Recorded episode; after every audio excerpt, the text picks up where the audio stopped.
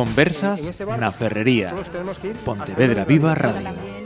Eh, clubes importantísimos, federación importantísimo. Claro, era 37 ya La paciencia y la Y la paciencia, la paciencia. acercan a ese niño al deporte. Saludos, estamos hoy delante de los micrófonos de Pontevedra Viva Radio para charlar sobre lo que sucedió el pasado 8 de marzo y también sobre las eh, consecuencias que, que, puede o al menos debería tener. Me encuentro muy bien acompañada, tengo que decirlo también, en estos eh, micrófonos esta tarde. Carmen Cajide. Hola. Bienvenida, presidenta da Regai. Encantada. A Rede Galega de, de Igualdade, que a máis eh, repite xa con, conosco nestes, nestes sí. estudios. Xavier Pérez eh, Dávila, benvido por primeira vez e agardo que non sexa a última. Moitas grazas. Xavier es eh, profesor de FP no Instituto de, de Colla, no? ¿no? Es, estou subilado dentro un de outubro. Ah, mira, eh, se, será polo, polo tema das pensións que digo, aínda hai que traballar un poquinho máis, eh, Xavier. El é economista e escritor, eh, imos recomendar dous dos libros, porque el di, non, non, digo, pero con permiso. A batalla das pensións, neste momento no, no que estamos a máis, E alén da, da casta a máis, eh, alguén díxome que un home comprometi, comprometido coa causa feminista. Eh, eu simpatizo moito co feminismo, pareceme un dos grandes movimentos emancipadores da nosa época. Falaremos eh, diso, sen, sen dúbida. Susana Rodiño, vicepresidenta do colectivo feminista de Pontevedra. Benvida tamén. Hola, boa tarde. Repite, nestes micrófonos o compañeiro xornalista Víctor Sariego, benvido Hola. de novo. Hola E a máis, eh, como xornalista e como pai. Eh, cando estábamos eh, preparando esta charla, eh, pensei en Víctor, porque eh, chamoume a atención que o pasado día 8 o mirara ali coa súa filla. Cantos sí, sí. anos ten? Ten oito anos, sempre procuro, no? de, de que teña criterio propio, de que poda ver cal é a realidade e, por suposto, a educación é unha parte moi importante. No? Eh, completamos eh, esta tertulia con Alba Tomé, Ela é vogal do colectivo O Soño de Lilith. Benvida tamén. Eh, si os parece, eu quería preguntaros a cada un de, de vos eh, como foi, eh, como foi perdón, a vosa experiencia eh, o pasado día 8. Vale, pola miña parte podo decir que a res, esta resposta imensa que houbo tanto o día 4 a convocatoria da manifestación en Vigo como, bueno, a folga feminista ou tamén a que se encheron as rúas o día 8 e sobre todo de xente moza que para min eh, que levo moitos anos nesto, vamos, foi unha sorpresa gratísima e, eh, bueno, pois penso que isto marca un antes e un despois. A partir da hora Teño, de agora teño claro de que xa non vamos ser as catro tolas, porque eso, vamos, o escribimos moitísimas eh, nas redes ese mismo día e o día seguinte, eh, porque si sí é verdad que a veces, e sobre todo as que vivimos no medio rural, a veces nos temos sentido un pouco, digamos que regular, cando nos decían, a feminista, non? En tono casi despectivo. A partir de agora como escribimos moitas, non fun eu sola, fomos moitas. A partir da hora penso que nos temos ganado un respeto. Uh -huh. eh, benvidas a esa xente moza, a esas mulleres mozas e tamén a, a eses aliados eh, que precisamente dende os, eh, dende os colectivos feministas, dende todo o feminismo, eh, sabemos que era unha asignatura pendiente, uh -huh. Sabemos que o conectar o feminismo coa ciudadanía era imprescindible. E sigue, bueno, seguiremos, non sí. vamos a dar nada por feito, porque evidentemente temos eh, a loita sigue, isto uh -huh. non non é o inicio, porque o inicio foi fai moitísimos anos, eh, malo se non lle recoñecemos as que tanto levan loitado e que incluso teñen deixado a vida no camiño, uh -huh. e como tamén temos que saber que isto non é eh, o, o final, final, senón que isto ten que continuar uh -huh. para consolidar precisamente todo eso que hasta agora, o sea, nosas demandas, nosas reivindicacións na rúa, eh, bueno, pois eh, seguiremos aí con, loitando. con ilusión, dende logo vese que con moita, moita, máis. moita ilusión. Sí. E Xavier, como foi? Pois eh, Eu eh, pensaba ir á manifestación da tarde. Eh, a miña muller que aínda está traballando, a unha chamoume, vente que isto é excepcional. Uh -huh. Estaba na concentración que xa se convocara mañá, e o centro de Vigo estaba ateigado de xente, mulleres sobre todo, mas tamén algún home. Despois, eh, a tarde, pois participei tamén na manifestación e a sensación era, eu penso que o que se vía na cara das mulleres era alegría, satisfacción, orgullo e, na miña opinión, o 8 de marzo de 2018, sen dúbida, vai pasar os libros de historia, mm. porque o movimento feminista de un salto cualitativo eh, que xa se anunciou, na miña opinión, o ano pasado. Uh -huh. Mm. Anunciouse, este ano estoupou no bo sentido. Eu penso que bueno, falaremos despois, pero que sí, se puso enriba da mesa. Esta frase estaba estaba estaba a sair, estaba a sair. Eh, Susana, Bueno, pois pola nosa parte, por parte do colectivo que participou activamente na organización da, tanto da manifestación que se fixo día 4 como da folga uh -huh. eh, ou das convocatorias de paros que se fixeron o día 8, a verdade é que pff, aquí están as compañeiras e, bueno, foi como un boom, é dicir, si sí, se había participado activamente, si sí, sabíamos que iba, que, que iba a haber un mínimo de participación, Pero eu penso que desde o meu punto de vista foi o que nos deixou en xoco o día seguinte, foi e ora que resposta lle damos a todas estas mulleres e a toda esta xente que saiu á rúa. Uh -huh. Porque si é verdade que o compromiso de haber organizado era importante, pero o compromiso de exixencia o día seguinte de que e agora que, uh -huh ese vai quedar aí tamén. Eh, agardamos iso que tamén eh, penso que é interesante de, de falar. Eh, Víctor, eu adiantaba, non? Sí para mí foi con... moi ilusionante, a verdade, ¿eh? no? porque sobre todo de cagar rapazo como ti me dixeches, a nena de 8 anos, eh, foi moi ilusionante, sorprendente en positivo, porque non as tiña todas comigo a pesar de que o CTN, como estamos aquí a decir, eh, xa se anunciou que, vamos, que podía ser eh, multitudinario. E logo, um, o orgullo de decir, como se está aquí a tratar, no? o día despois que, no? Entón é un pouco o que a mí me gustaría decirlle tamén aos políticos, ¿no? Decir, isto non é unha palmadina a palmadinha na espalda, eh, nas costas, eh, xa cumplimos, uh -huh. aquí hasta aquí, eh, xa está, ¿no? Aproveitamos a crise para eh, non gastar, non invertir en, en feminismo, eh, foi unha excusa perfecta, eh, e non, misión cumplida, e non é mm, así. E Alba, contanos, penso que é a máis nova de, de todos. Sí, sí. a ver, eu pouco, pouco teño que, que añadir, a verdade, pero Eh, sen dúbida foi unha xornada histórica, eh, tanto en Vigo como en Vila García, eu tampouco as tiña todas comigo, pero uh -huh. a verdade que que cando chegamos ali e vimos tanta morea de xente, tantas mulleres novas como a min loitando, notase que hai moitas ganas de cambiar. Eh, foi unha mostra cara, clara de que separamos nós para o mundo. Os medios de comunicación, os políticos, penso que, que abusamos demasiado de eh, esta circunstancia, este feito, hoxe un día histórico Pero esto, como decía Xavier, vai quedar nos libros, vai quedar aí como punto de inflexión definitivo. Sí, sí todos todos estáis de es, que eh, sí. es, esperemos, está, eh, esperemos. Eh, vamos, considero que sí. Está claro que de todas formas eu quero facer un recoñecemento a quen tanto ten loitado,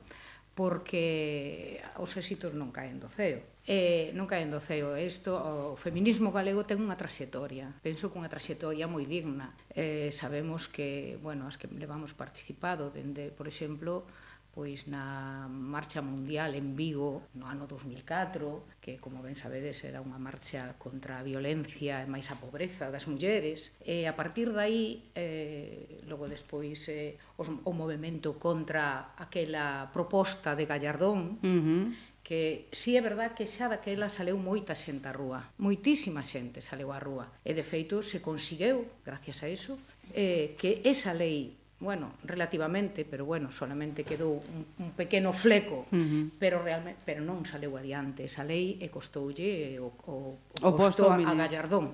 Ben, eu penso que eh, falar da traxectoria que ten o feminismo galego é importante. É importante porque hai moita xente, que moitas mulleres feministas que saímos á rúa e sin estrutura de ningún tipo, porque bueno, pois eh, sendo nós o recurso, sendo nós o recurso, cunha pancarta pagada por nós e cun megáfono pois pagado por nós. Eh, non solamente na, na Rede Galega, sino no Soño de Lili, no colectivo, entón son, bueno, pois uh -huh. eh, a, eso é o que temos, non temos máis que o noso, a nosa vontade, e a nosa ideoloxía feminista radical, sí, radical. Non podemos terlle medo a decir que somos, que o noso feminismo é radical. É radical por, porque vamos á raíz do problema. Eh, como foron outras moito antes, arriscando moito máis que nós agora neste momento. Pero uh -huh. nós o que dedicamos é moito tempo. E desde logo agora é unha esperanza, pero un recoñecemento, partindo dese recoñecemento, agora é un o sea, un paso adiante, pero un paso inmenso con esta marea, porque non solamente con esta nube de, de mulleres mozas, de mulleres maiores, que saben que están discriminadas, ou sabemos que eu xa vou tamén cara lá, que estamos discriminadas tamén a hora de, da nosa pensión, que cobramos menos que tamén que os homes, porque cargamos cos cuidados, cargamos con menores sueldos, cargamos con pois con, con co traballo máis precario, mm. bueno, pois eh, todo eso temos agora que que todo eso mm, toda esa forza que saleu á rúa, temos agora que decirlle ao goberno os gobernos en general, que teñen que dar resposta. E ese pacto de Estado, ese pacto de Estado que pasou cinco meses, en nada sabemos eh, del, nin en medidas legislativas, nin en presuposto, nin en nada. Aí é onde teñen que dar a resposta, que era como, como comentaba xa antes. Exiximos unha resposta, pero xa eh, ese presuposto ten que, ten que, teñen que poñer sobre a mesa para levar adiante todas esas 213 medidas e co calendario que está establecido. Non valen disculpas de que non hai orzamentos. Se, non hai, se os orzamentos do Estado non, non, non se aproban, hai medidas igualmente para dotar de orzamento ese, ese pacto de Estado. Uh -huh. Como se fixeron con, como fan con outras moitas eh, cousas.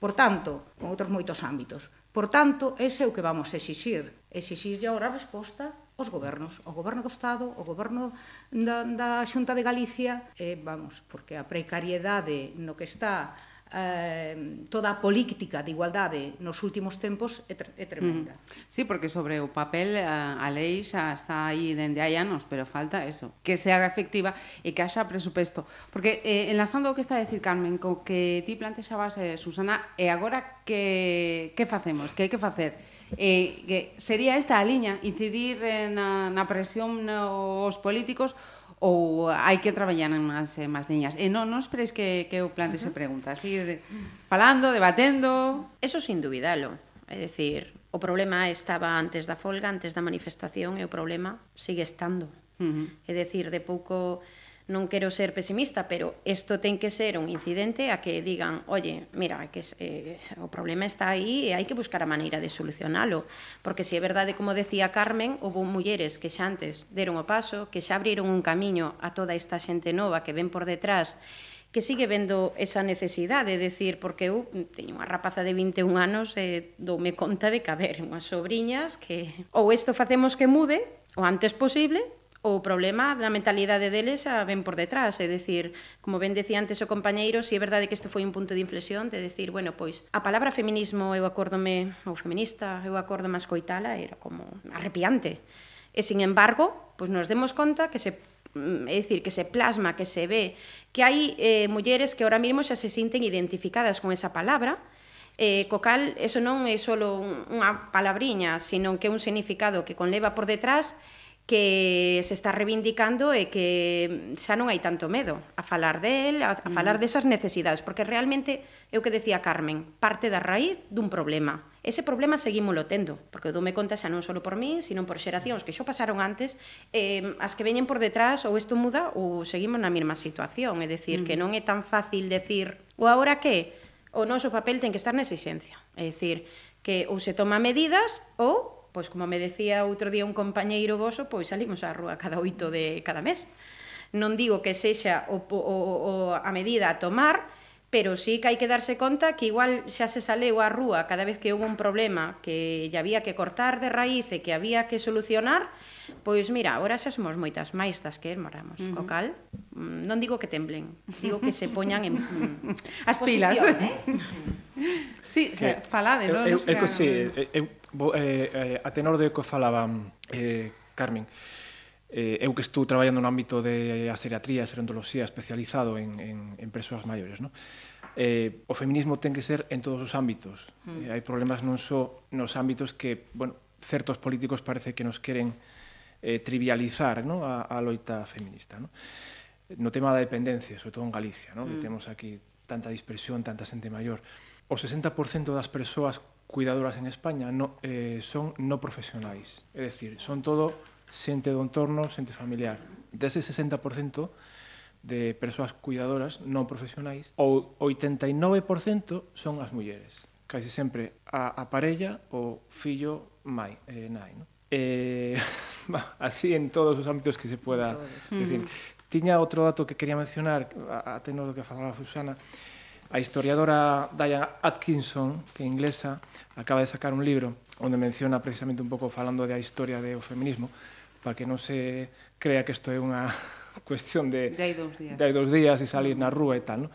eh, falaba de a reina Victoria, prime, eh, Victoria I, sí, que odiaba as feministas, no? cando surdiu o, o termo para eh, despreciar as, as sufragistas que pedían uh -huh. o voto. O voto. Xavier, con... eh, hai, hai unha eh, rama importantísima do pensamento económico que é a economía feminista, uh -huh. creada toda ela por mulleres que levan Totalmente tres, tres ou catro décadas traballando cun rigor extraordinario e descubrindo un novo mundo, do mesmo maneira que a economía ecoloxía, ecoloxista descubriu outro mundo. E mm, algo que nos demostra a economía feminista, e xa está cuantificado, é que en todas as sociedades as mulleres, se sumamos o traballo retribuído de mercado, o traballo doméstico, o traballo de coidados e o traballo eh, reproductivo, traballan bastante máis que os homes. E traballando bastante máis que os homes, perciben menores ingresos e, sobre todo, teñen un patrimonio moi inferior. Isto, eu fago unha pregunta retórica, é xusto ou é inxusto? É inxusto. Xusto. Se inxusto, eu penso que o que dixo o 8 de marzo, o que dixeron as mulleres e o movimento feminista, non só inxusto, senón que hai que mudalo. Uh -huh.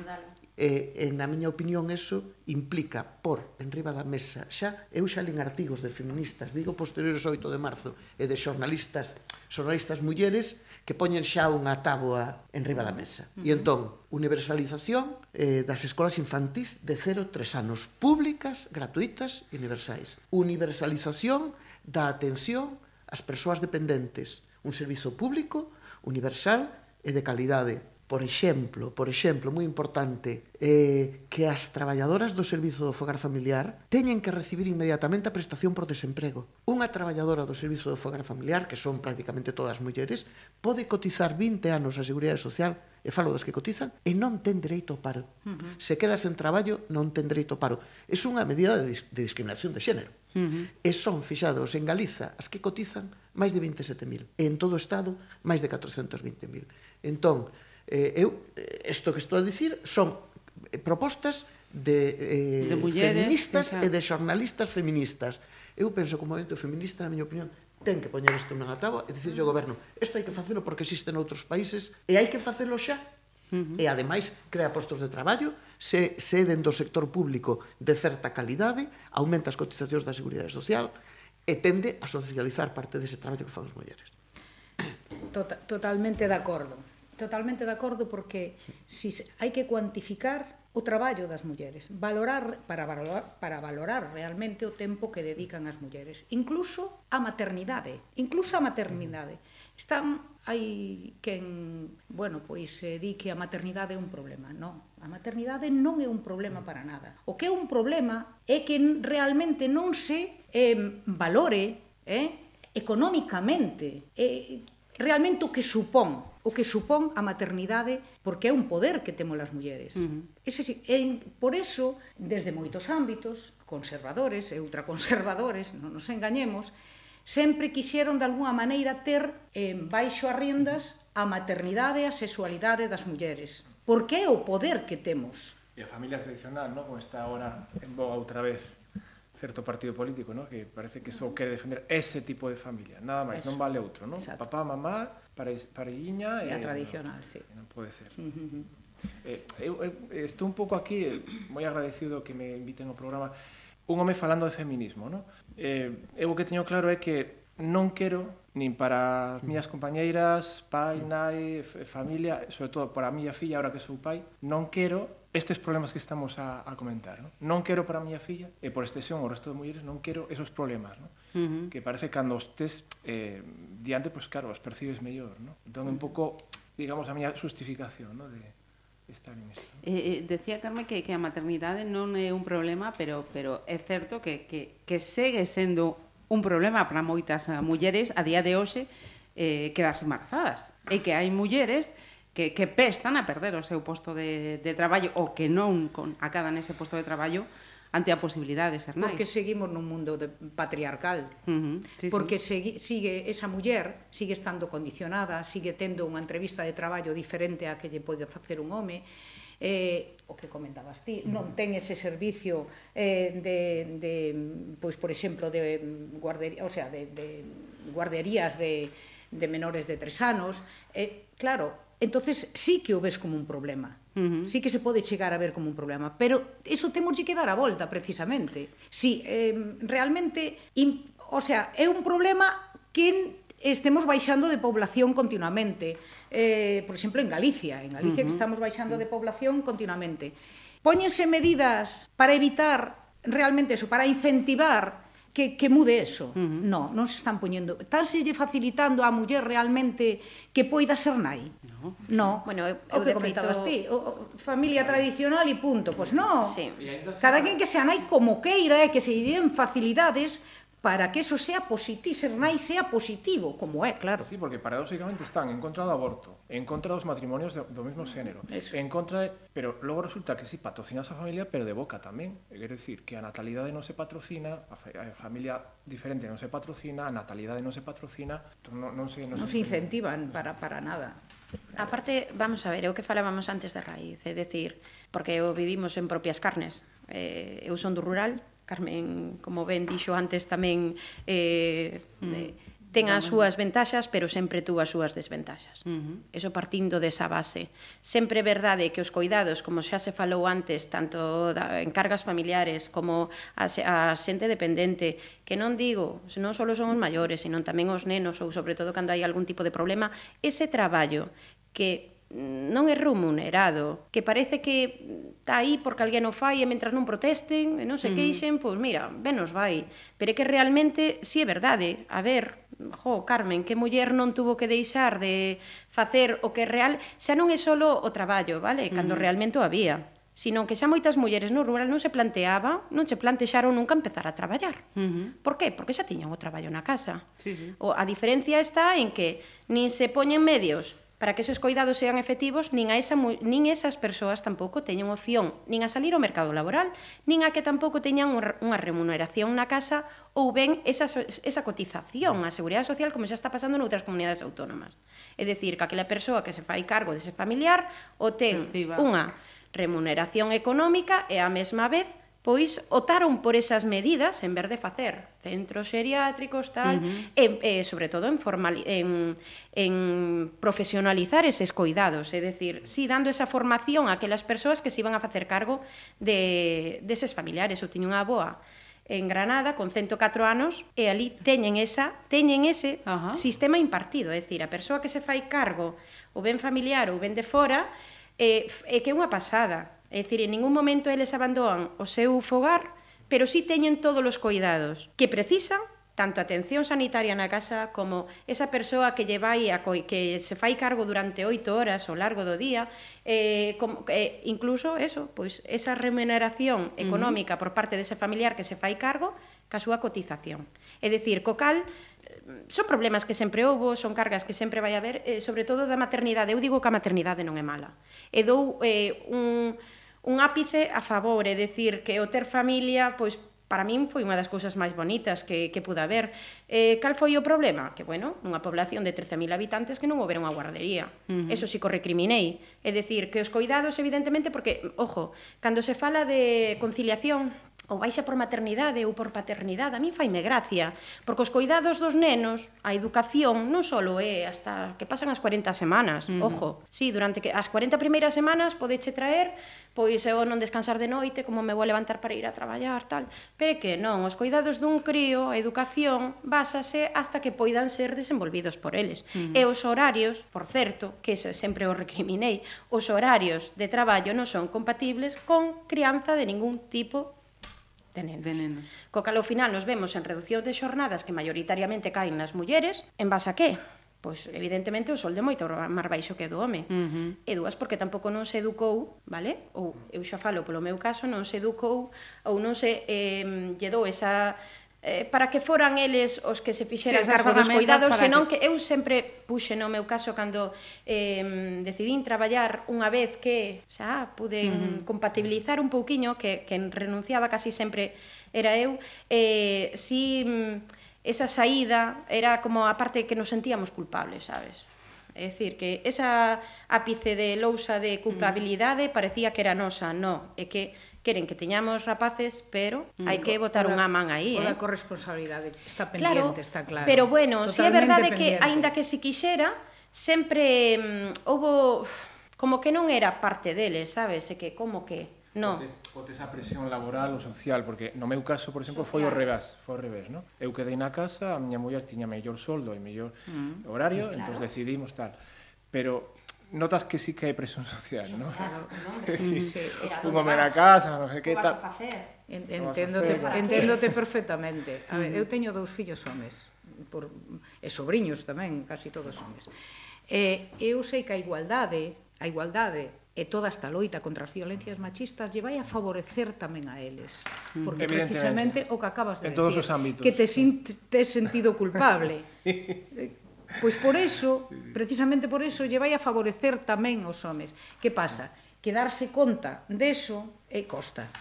Pe, e tamén costa porque perdes privilexios privilexios cos que nace no? por ser por ser home. Que, claro. Entonces eh mm, cambi, mudar os roles e tanto por parte das mulleres como por parte dos homes costa porque fomos educadas no machismo, tamén as mulleres fomos ah. educadas no machismo. Entonces costa Eu teño eu teño a corresponsabilidade está pendiente, está claro. Eu teño dúas referencias feministas que son eh, a miña avoa paterna, que foi eh, foi mestra Eh, rural, conducía, fumaba, eh, decía tacos, eh, era unha adelantada, non?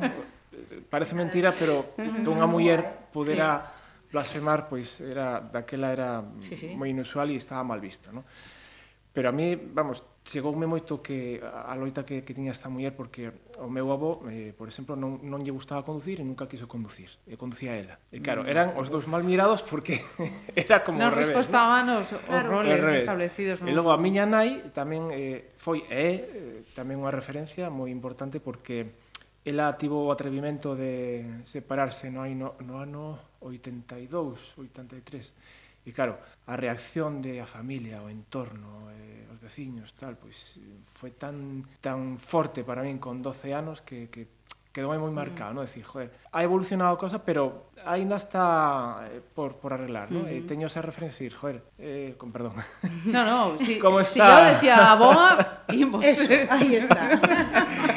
Como está o tema? Entón, sí, sí que se nota todavía. Eh, uh -huh. Sí, eh, queda eu, eu quería insistir eh, na cuestión de socializar e sacar eh, fora do fogar eh, determinados traballos de atención aos máis pequenos e ás persoas dependentes e que non eh, eses traballos non os deben na miña opinión realizar familiares porque iso contribúe a, a recluir a muller a recluir na muller en labores, entre aspas, propias da súa condición. Mm. Que vantaxe, isto teño experimentado os países nórdicos, ten eh, sacar Saca... fora dos fogares. E non me refiro ao labor de darlle un bico a un pequeno ou pasarlle a man pola testa, uh -huh. non, que iso é insustituible. Pero pero eh, as escolas infantís de 0 a 3 anos uh -huh. cun horario amplo, cun servizo de calidade, ou a atención a persoas dependentes feit, realizada en do sector público con persoas profesionais que vantaxe ten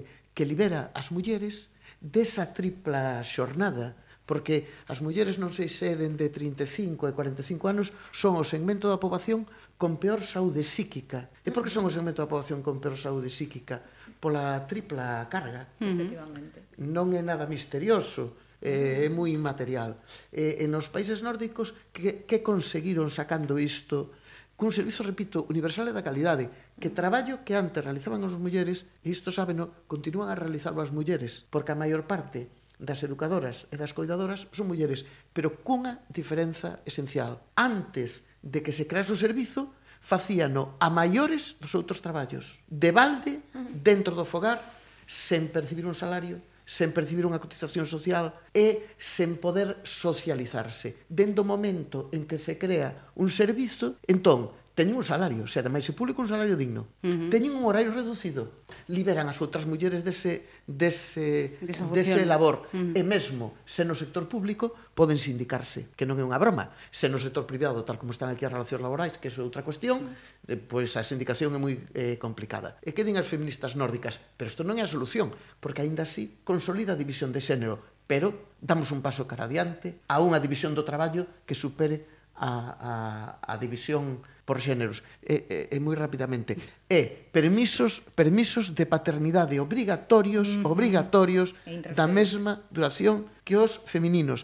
e que as axudas por fillo que teñen que aumentar, que as perciban as mulleres, que as perciban as nais, porque iso dalles poder. Hai moitas medidas, e na miña opinión hai que sisilas xa. Mm. Hai que sisilas xa. Eu a verdade creo que, o sea, volvendo de antes ao, ao rol de xénero, eh, sí que creo que está mudando to totalmente, porque de feito eh, hoxe eu falo con compañeiros míos e compañeiras mías e son máis os homes que din pois eu o día de mañá sí que quero ter unha familia. En cambio, eu pre pregunto e unha amiga mía me di que va, eu quero estudar, eu quero, quero marchar, e quero, quero traballar toda a miña vida.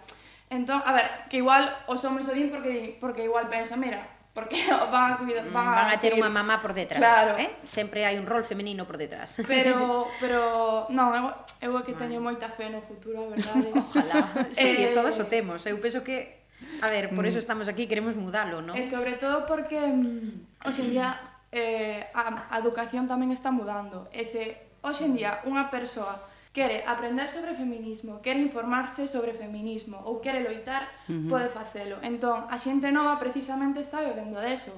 Está bebendo das redes sociais, está bebendo eh, pois, de internet, de, de todo o que pode, porque hoxe en día podemos eh, facilítanos moita información, uh -huh. e iso é verdade, que en, que non quere, que non quere saber precisamente pois por eso, porque non lle interesa. Eh, aí, aí vou, vou preguntar porque eh, a pasada semana eh, os rapaces que están estes meses con nos de prácticas facían un especial 8M. Eh, centrábamos eh, precisamente desas franxas de idade eh, universitaria. No? Eh, sorprendeume unha cuestión, a cantidad de mozos que non sabían que era o 8M.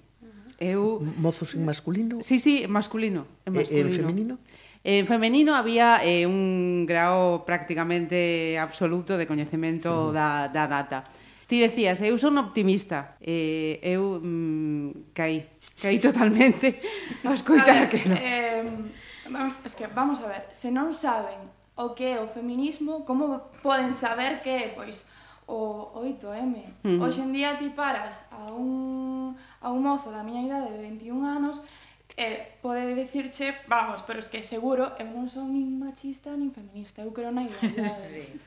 Sabes, que, que é un reporteorio que xa que xa aburre, non? Entón, pois, Pero claro, o momento no que comezas a, a falar con el, eh, explicas, expli, explicas eh, pues, que é o feminismo, que intentamos cambiar, ou que nos explique como traballa a súa nai, ou como traballa a, a súa avoa, pois, pues, pois igual, uh -huh. igual tes, tes algo de razón. Logo tamén está esa xente eh, que directamente pois está xa cerrada en banda.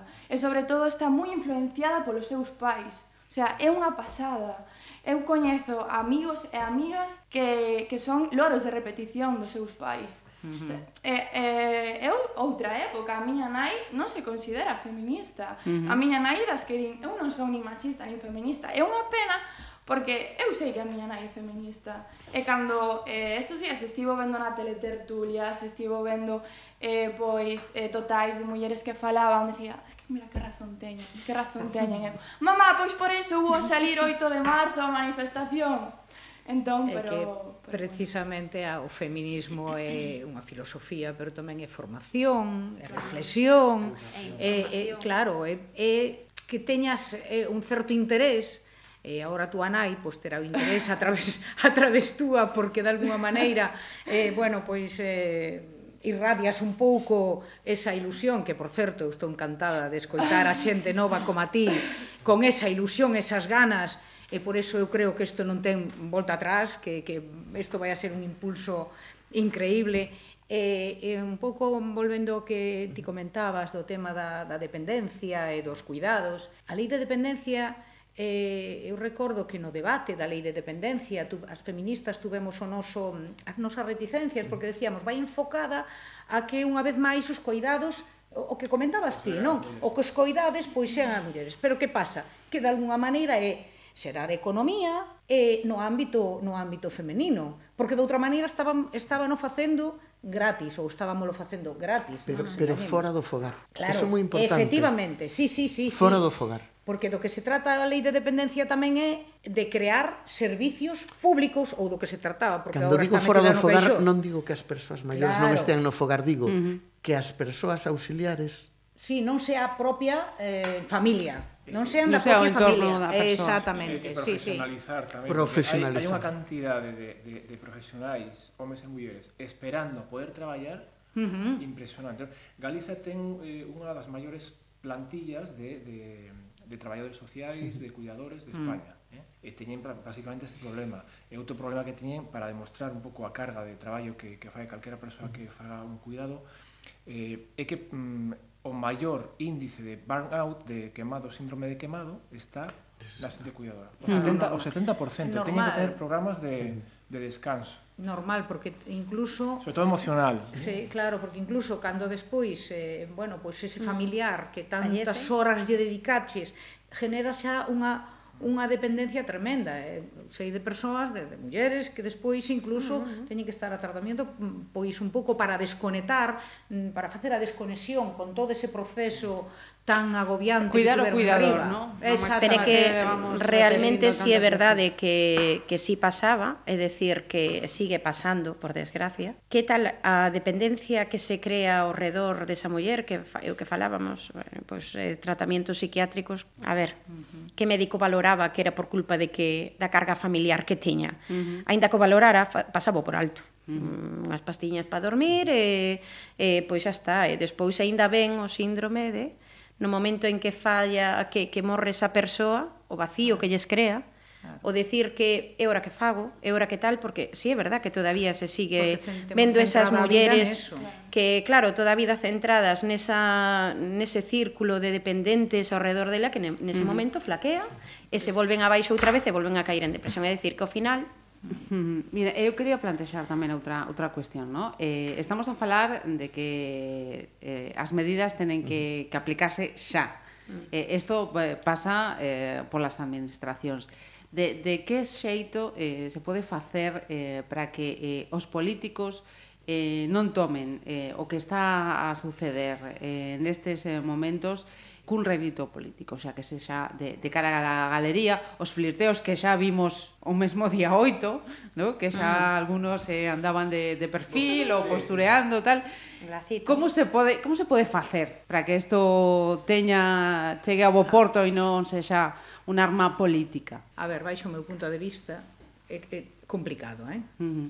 Primeiro temos que facer, eu creo que o feminismo tamén temos deberes que facer dentro, porque si temos unha temos unha forza imparable, como somos conscientes de que se o facemos ben a temos, evitamos somos capaces de evitar todo eso. Pero para eso temos que facer tamén, temos tareas pendentes tamén as propias feministas nas nosas organizacións.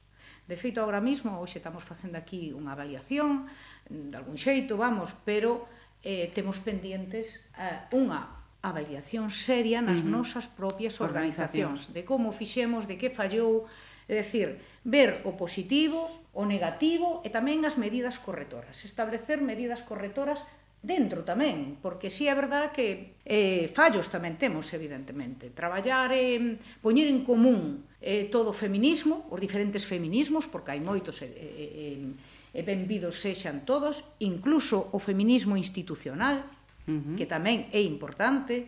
De feito, neste, neste proceso, por veuse que algúns concellos pois puxaron incluso os autobuses para, para ir a Vigo. É decir, que sí que se ve un, un compromiso, un non? Real. E, e o millor sin, sin verse para nada liderando. Uh -huh. Pero sí é verdad, eh, eh, bueno, ver despois que a prensa uh -huh. pois lle pon alcachofa, digamos, ao político, político de turno, uh -huh. non? E bueno, pois os políticos eh, líderes neste país, excepto no BNG, pois son todos homes. E claro, ao final, escoitas a voz dun home e ao millor anula un pouco o que ten, o, o, tiña que, que ser o foco. A que, a que traballou, porque realmente as que traballaron, uh -huh. eu sei de, de, de porque hai que reconocelo tamén desde sindicatos, desde partidos políticos, etc., que traballaron, pero normalmente as que están na base traballando son mulleres, e mulleres convencidas e mulleres feministas. Entonces, eh, bueno, todo eso agora analizaremoslo nas, nas nosas eh, organizacións e despois na, en Galegas eh, 8M, que foi no que participamos eh, as que estamos, eh, as asociacións que estamos aquí, eh, que xa hai convocada unha, unha asamblea, uh -huh. eh, tanto no colectivo como na Regai, tamén temos xa asamblea para, para facer unha avaliación seria, porque o que decía, temos que establecer medidas correctoras dentro e fora. E fora. Si somos fortes, está claro que a resposta política vai ser eh, doutro xeito. Si nos ven débiles, vamos a seguir co laciño na solapa e un minuto de silencio cada vez que asesinan a unha muller. Porque todo mm. isto, non nos engañemos, ca, eh, eh, o, o, o, o culmen da violencia é o asesinato de mulleres. E, e cada ano son 60 por encima de, bueno, sobre a media é 60, pero normalmente por encima de 60 uh -huh. mulleres asesinadas. Pero detrás de eso hai unha serie de, de violencias machistas que sufrimos todas.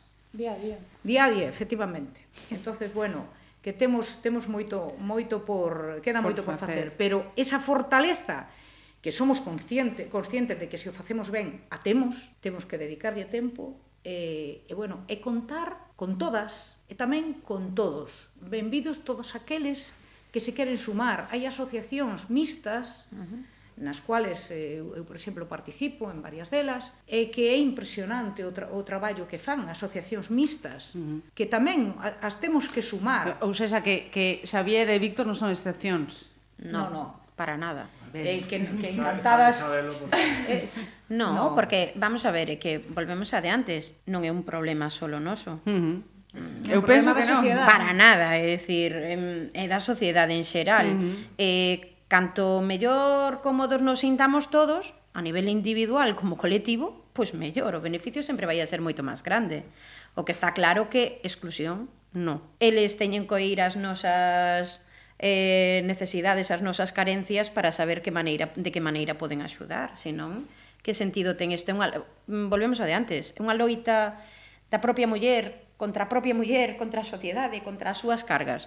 Pois non, ten que ser algo uh -huh. eh, un tanto... Xa, Xavier está moviendo a cabeza, eh, conta, sí, conta, sí, porque... No, eh, os homes podemos mirar o movimento feminista con máis ou menor simpatía, pero o movimento feminista das mulleres. E as mulleres, sí, claro. sin, e as mulleres duvidalo, son as que se organizan, son sí. as que organizaron, falaba sí. Carmen, de que teñen que analizar os fallos. Parece moi ben autocrítica, pero o que hubo foi un éxito. O que ah, rotundo. O que fixestes claro. foi un traballo extraordinario. Eso clarísimo. Foi un traballo sí. extraordinario que o fixestes vos. Sin dubidalo. Eh, eh, en, pero respondendo a, a pregunta que facías, eu eh, supoño que o movimento feminista xa o está facendo e xa o vai facer. Eu penso que lle teñen que presentar a todos os partidos políticos mm -hmm. un programa. Sí, sí, Queremos sí, sí. isto, isto, isto, que custa isto, isto e isto. Sí ou non. Ese ten que ser o fin, sí, eh? eh, mm -hmm. eh, eh mm-hmm. podo podo mm-hmm. adiantar dúas cousiñas. Venga, va dúas cousiñas. Falamos da socialización de, de parte do traballo de cuidados, pero hai outra parte, que os homes tamén nos toca unha parte, entón non falamos nada. Mm -hmm. Se cadra podemos falar, e despois da educación. Mm. Da educación, base, porque isto son estruturas de milleiros de anos Claro, que o traballo non só é reivindicar e entón, elevar, senón... Entón, pero, pero hai que facer algo na educación uh -huh. para que as novas xeracións, por certo, que eu penso que as mulleres novas se están incorporando masivamente o feminismo, pero para os mozos tamén hai que facer algo no sistema educativo E, e o longo prazo, é o que decía eu tamén un pouco ao principio, que é unha cuestión tamén en gran, en gran parte de, de, de educación e a longo prazo, non? Non olvidemos que os políticos queren gobernar a 4 anos, non?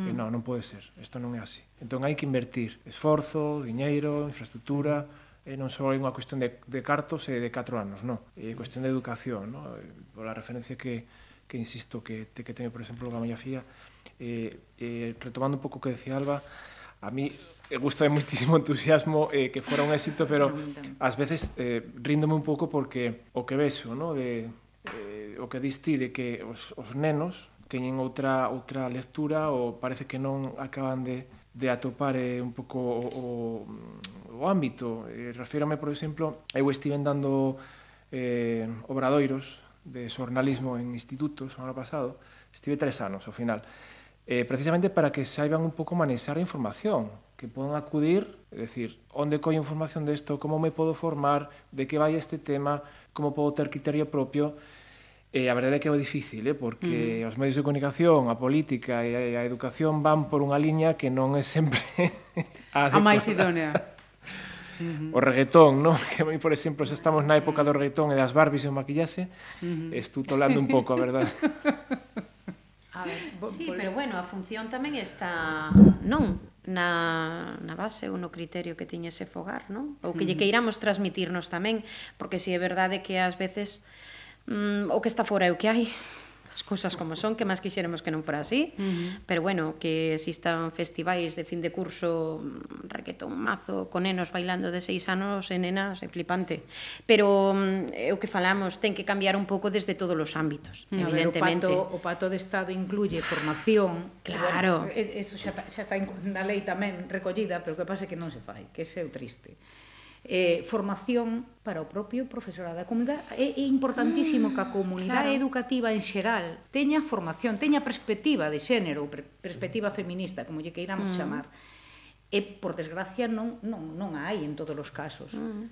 Sabemos de de, bueno, pois eh, profesores e profesoras que si a teñen, porque o que decías ti non, que decía, que se preocuparon de formarse, de informarse, e sí que a teñen, pero a gran maioría non. Entonces ten que ser, eh, bueno, pois a administración ten que ser algo obligatorio. Uh -huh. De feito está recollido no, no Pato de Estado. E ten que dotarse de presuposto para que esa formación se leva a cabo, se leva a cabo por profesionales, que para iso están as asentes de igualdade. Para iso están as asentes de igualdade. Hai unha asociación que a Paioga, que leva moitos anos, que é unha asociación de asentes de igualdade, E, e hai moita xente, hoxe por hoxe hai moita xente formada, sobre todo mulleres, porque evidentemente eh, o feminismo é cousa de mulleres, e a loita feminista foi sempre cousa de mulleres, e non nos engañemos, benvidos os homes que se suman á causa, eh, que son para min son aliados, e para penso para, para todo o feminismo. Mm. Eh, se me permitides, quería facer unha referencia en canto que ti comentabas de, de como frenar de alguna maneira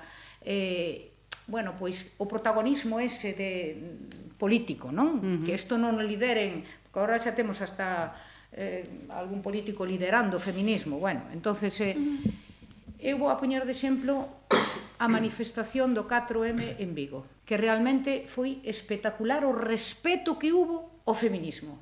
Uh -huh. O respeto que hubo ao feminismo. Diante, iban tal e como se establecera, non? Uh -huh. Diante, por iso que o feminismo fixo fantástico, Galega 8M eu creo que funcionou, pero mm, fantásticamente ben. Diante iba eh, o feminismo, as asociacións puramente feministas, logo as organizacións mixtas, logo os sindicatos e logo partidos políticos. E hubo un respeto absoluto. Uh -huh. E oito? 8, vamos a ver, eh, que eu creo que foi quentar motores, non? Que o, o, o 4M sirveu para quentar motores e que, a, de feito, despois tiñamos unhas expectativas xa bastante, non, non como, uh -huh. como tanto como, como foi ao final, uh -huh. pero sí tiñamos unhas expectativas eh, importantes, eh, importantes sí.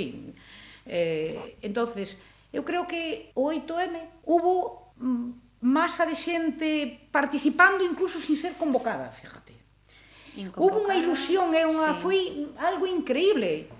Sí, o fe, Canto, o mismo, a, a mismo pero que... se respetou tamén, sí. consideras no. o papel, non? O mellor, no, no, non digo a ver, que no, a ver, perdón. está organizado, digo que cando sí, mellor. cando cando foi que se intentou Pero bueno, que todo que, que todo estuvo ben. Ah. Vamos. Cando Sí, sí, por suposto. Cando se empezaron cas primeiras asambleas, non? Mm. Que de Galegas 8M, que imagínate, aquelo era un cónclave feminista a nivel de todo Galicia, eu dixen, eso sona pero a reventar, como así foi, non? Pero eu decir que si sí, é verdade, cando eu acordme daquela primeira convocatoria que nos chegou, que dixemos, madre mía, pero isto que será? Sona como algo, mm, sabes, impactante. E si sí, é verdade, cando se foron dando as, as primeiras pautas, cando se chegaron a pequenos acordos, que datas poñemos, que a manifestación antes, a manifestación despois, tal, cando se falou de facela antes da, de, da folga non ou deses pequenos paros e tal, foi todo como moi consensuado. Non? E, e a data era para que o día 8M se vira a forza que había na rúa e que aquela que se, aquelas persoas que se quixeran sumar que fora masivo. Si é verdade que eu, a, mm, a miña impresión foi que que saiu xente á rúa porque tiña gana de estar aí. É decir, non vin aquelo de decir mm, eh, temos convocado, non? Ano pasado fixemos a convocatoria, a mesma convocatoria de oito, unha compañeira colocou unha foto de un ano antes, un ano uh -huh. despois, é dicir, o poder que si se fixo, claro, evidentemente había que contar cos diferentes sindicatos porque eles eran quen convocaban a folga, pero co resto foi por mans das das diferentes asociacións que participaron, é dicir, que mm, si respetaron, si non respetaron, eh, o día da, da, da Mani, sí, Evidentemente, eso foi respetado e houve unha organización que non fixo falta decir a cada quen casi donde tiña que ir, uh -huh. porque penso que era de coherencia que si habían feito. E o día da folga, pois eu que vin na, xente, na calle era xente que tiña gana de estar na calle, que fora visibilizada, de, decir, non, eu tamén son unha das que sufro isto uh -huh. e quero que se me vexa. Eu acordome que acabou a convocatoria ás dúas da tarde, eu estaba aquí na peregrina, depois marchei para Pilar García, ese día botei na rúa todo o día, e, e me acordo que co, me quede, co que me quedei era, acabou a convocatoria.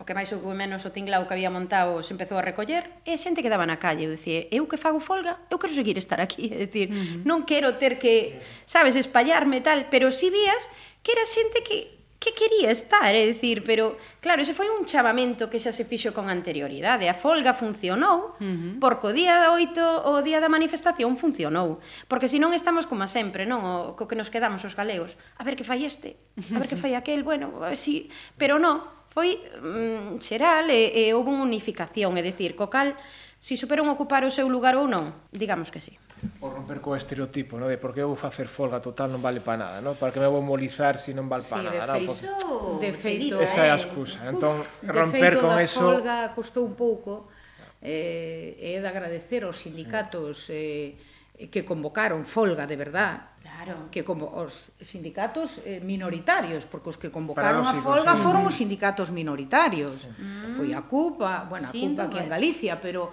a CNT, CGT, eh, o, sí. sí, o, o sindicato Labrego, tamén. Tamén. O CESIF non, mira, fil. En cambio, no. En cambio, os sindicatos grandes pois convocaron paro. O XT, uh -huh. Comisión Sobreiras e a CIGA aquí en Galicia, pois paros. Pero despois si é verdad que tamén de alguma maneira se sumaron xa a que a animar a mm. xente a que participara na mm. folga. Mm -hmm. Xa os pro, inda que inda que solamente convocaran paros, eh despois en cambio o, fomos vendo como sí, os mesmos sindicatos mm -hmm. eh mayoritarios, mm -hmm. digamos, eh pois eh si sí, animados pola dinámica que levaba O día. Exactamente. Bueno, isto foi a primeira vez, é normal tamén que haxa É dicir, cada quen ten a súa responsabilidade, é normal tamén que haxe acerto. Uh -huh. Pero en, en xeral, eh, bueno, foi un exitazo a folga, porque ca folga sí, é verdad que incluso mm, na propios debates de ao principio, mm. pois tiñamos as nosas, os nosos medos, sí. non? Os nosos medos non sei de canto tempo nos, nos falta. Eh, o, o bo que temos nos aquí es que ninguén marca o tempo. Vale. Pero bueno, entón, vimos ser prudentes e imos poñer 10 vale. Minutiños vale. máis. Pois, entón, eu, eu eh, esta mañá estiven así re, recopilando información. Entón, eu gustaríame dar algunha medida máis das moitas que hai que por en práctica, uh -huh. porque o que se trata é de transformar unha sociedade patriarcal uh -huh. nunha sociedade igualitaria e iso non se fai, iso non se fai nun ano. Uh -huh. Pero canto antes se poña en marcha, eu penso que xa está en marcha, as mulleres puseronse sí. en marcha hai moito tempo e isto é simplemente Imparable. recoller os froitos pois dun traballo de de décadas, non? Pero por, por ir avanzando cousas porque a mobilización foi maravillosa e agora hai que, que ponerme na miña impre, na miña na opinión do que eu leo mm. todo escrito por economistas feministas, por mulleres feministas, etc., algunhas das medidas que, que se, se proponen. Antes citamos eh, alguna, pero, por exemplo, entrevistas de traballo que non discriminen as mulleres. Sí, escoitaba as entrevistas de eh, traballo, currículums anónimos. Eh, por mm. exemplo, por exemplo, ou entrevistas de traballo no que se proíba ese control eficazmente pola inspección de traballo que non se poida preguntar nada sobre a maternidade, mm. sobre relacións afectivas, preguntas intolerables como tesmozo, tesmoza, etc. Eh, programas de loita contra a desigualdade salarial con obxectivos. Eh, programas eh, para garantir a presencia de mulleres en postos de responsabilidade, eh, en postos de investigación, teito de cristal, etc., con cotas.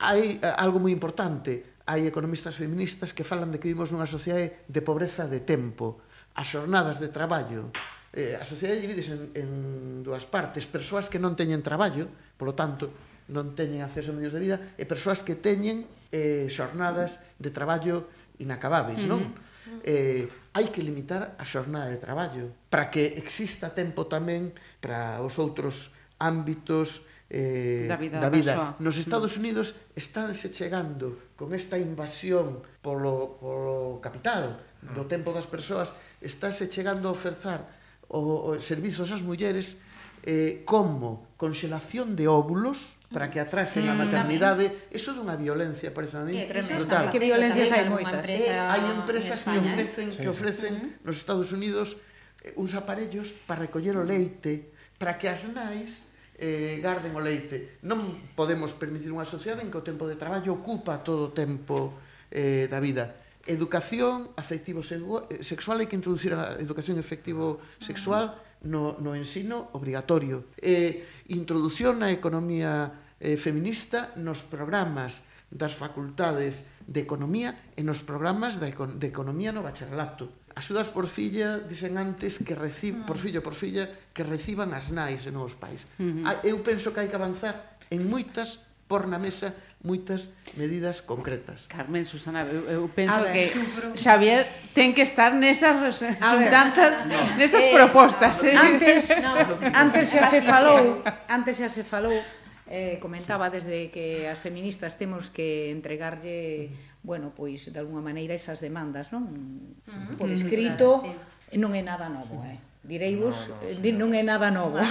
Eh, Direivos que eso xo fixemos e temos un traballo sí. impresionante feito eh, a nivel estatal, a nivel estatal mm. traballouse moitísimo, moitísimas asociacións traballaron para que ese pacto de Estado recollera as demandas das feministas. Mm. Non é maravilloso ese pacto de Estado, gustaríanos que fora moito máis alá, mm. tamén hai que decilo eh, pero en todo caso sí se recolleron moitísimas das demandas feministas nese pacto de Estado, por iso o que temos é que agora eh, bueno, pois loitar para que se para que se aplique. Pero aquí en, en Galicia eh, na campaña electoral das autonómicas, seis asociacións, precisamente tres das que estamos aquí.